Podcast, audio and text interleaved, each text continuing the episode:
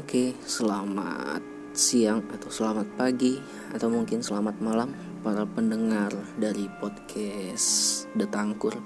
Kali ini gue cuma sendirian karena sekarang gue sedang berada di Yogyakarta.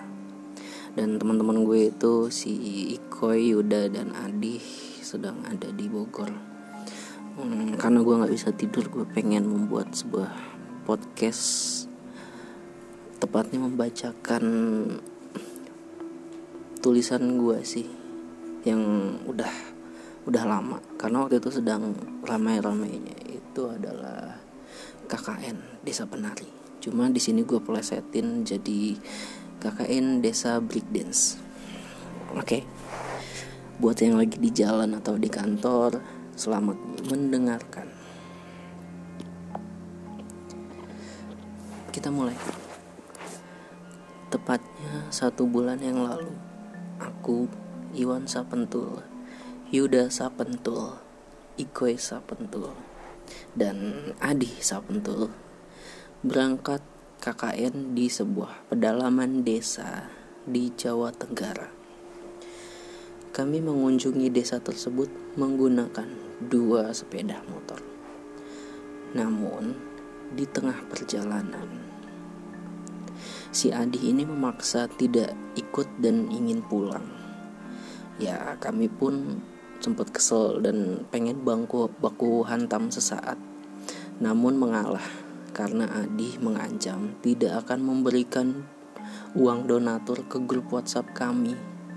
Karena kalau kita kumpul-kumpul tahun baru atau ada acara apa, si Adi ini selalu memberikan uang donasi yang paling besar untuk grup kita buat beli minuman, makanan, seblak atau yang lain-lain lah. Dan terpaksa kami membiarkan Adi untuk pulang. Nah, di tengah perjalanan keanehan mulai terjadi. Karena si Ikoy ini anak yang gak mau bawa motor sendiri dan motor yang satu lagi dibawa Adi pulang. Kami memutuskan untuk boti atau bonceng bertiga. Dan di jalan Yuda merasa punggungnya berat Yuda aneh dong. Dan si Iko Iko berkata itu tas lu goblok kata si Yuda. Oh iya. Yuda pun menjadi bahan bulian kami sepanjang jalan. Di tengah perjalanan kabut pun turun di lembah kasih lembah Mandalawangi. Namun Iwan menghentikan motornya karena di depan berdiri sosok pria besar. Kami pun kaget dan Ternyata itu adalah tukang nitrogen. Iwan yang merasa kesal hendak baku hantam. Namun kami mulai berpikir, mana ada tukang nitrogen di tengah hutan begini? Dan tanpa kami sadari, sosok itu menghilang begitu saja.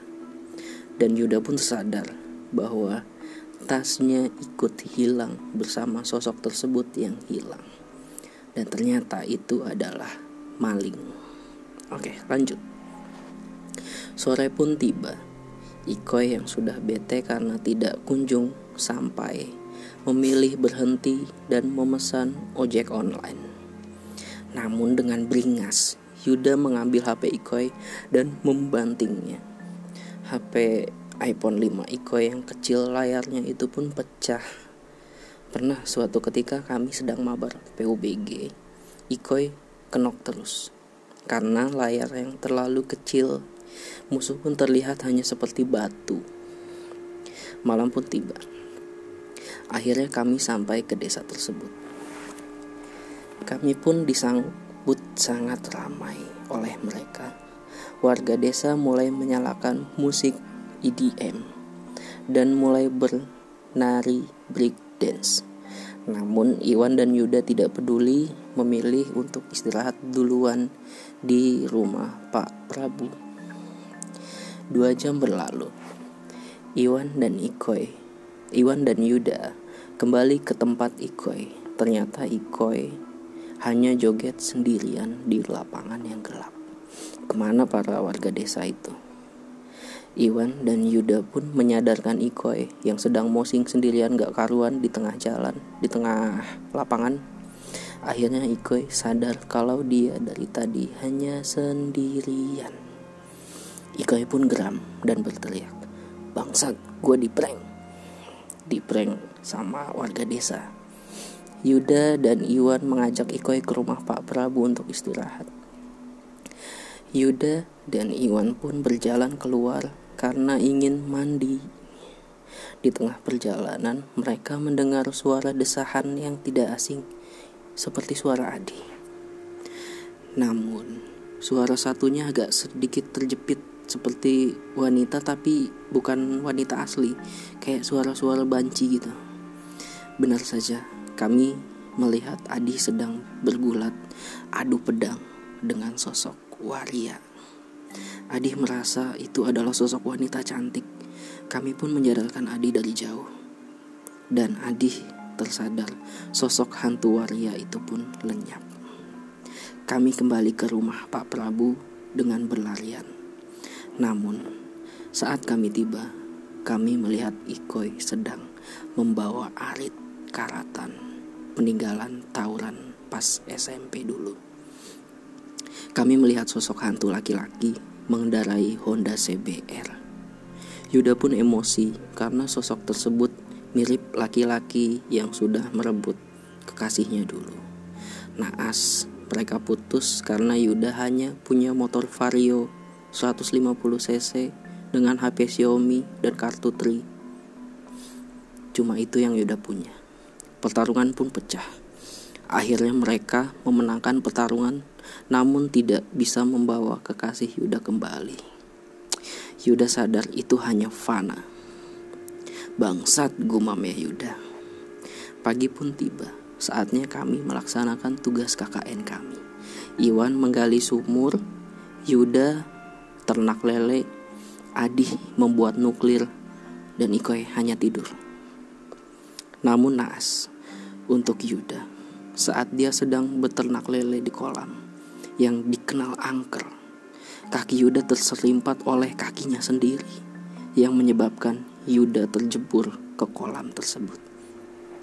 Yuda pun kenok karena tidak bisa berenang. Yuda teriak, "Oi, oi, oi!"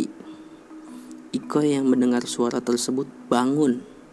Namun, Iko lebih memilih ke dapur karena lapar. Yuda pun hampir menjadi kotak. Untungnya ada Adi yang bersedia merevive Yuda. Ikoy pun terselamatkan. Sorry, Yuda pun terselamatkan. Dua hari pun berlalu, namun ada warga desa yang ingin kencing dan melihat lubang. Warga pun melihat ke dalam ternyata ada Iwan di sana, terpujur kaku di dalam sumur. Usut punya usut, ternyata Iwan terlalu dalam menggali sampai ia tidak bisa keluar sendiri karena kebodohannya itu. Ikoy, Yuda, Adi yang tidak peduli pun hanya menonton Iwan yang sudah terpujur kaku dengan mata melotot, mulut menggumam, dan sering kali Iwan mengucapkan quotes-quotes senja yang dibenci oleh Ikoy. Pak Prabu pun datang. Ternyata roh Iwan telah disandra oleh penghuni hutan yaitu hantu break dance. Iwan hanya bisa diselamatkan jika teman-temannya melakukan upacara battle dance dengan penghuni hutan. Namun sayangnya teman-temannya tidak ada yang peduli. Ikoy yang mendengar hal tersebut kalau Iwan tidak akan selamat, langsung bertanya. Gue dapat besek lauknya apa nanti? Ikoy hanya peduli dengan perutnya. Yang penting dia makan. Yuda pun membalas. Gue bisa request lauk nggak? Ayam bakar gue maunya. Dan dikira Adi peduli dengan Iwan, tapi ternyata tidak. Adi bertanya kalau dia hanya ingin junk food dari beseknya Iwan tersebut. Tiga hari pun berlalu. Iwan tidak selamat, namun teman-temannya kenyang karena dapat besek. Senangnya lagi, lauknya bisa request. Ikoy pakai ayam bakar, Yuda pakai lele goreng, ayam bakar, Adi dapat kebab monster. KKN pun berlalu hingga mereka pulang kembali ke rumahnya. Oke, demikianlah cerita KKN dari kami. Semoga mendapat pelajaran dari cerita ini yang sangat tragis. Mungkin kami akan mengambil sudut pandang dari Yuda atau Ikoy ke depannya atau Adi setelah mereka menyelesaikan KKN tersebut. Dan terima kasih telah mendengarkan sebuah plot cerita dari KKN Desa Breakdance. Selamat beraktivitas. Thank you.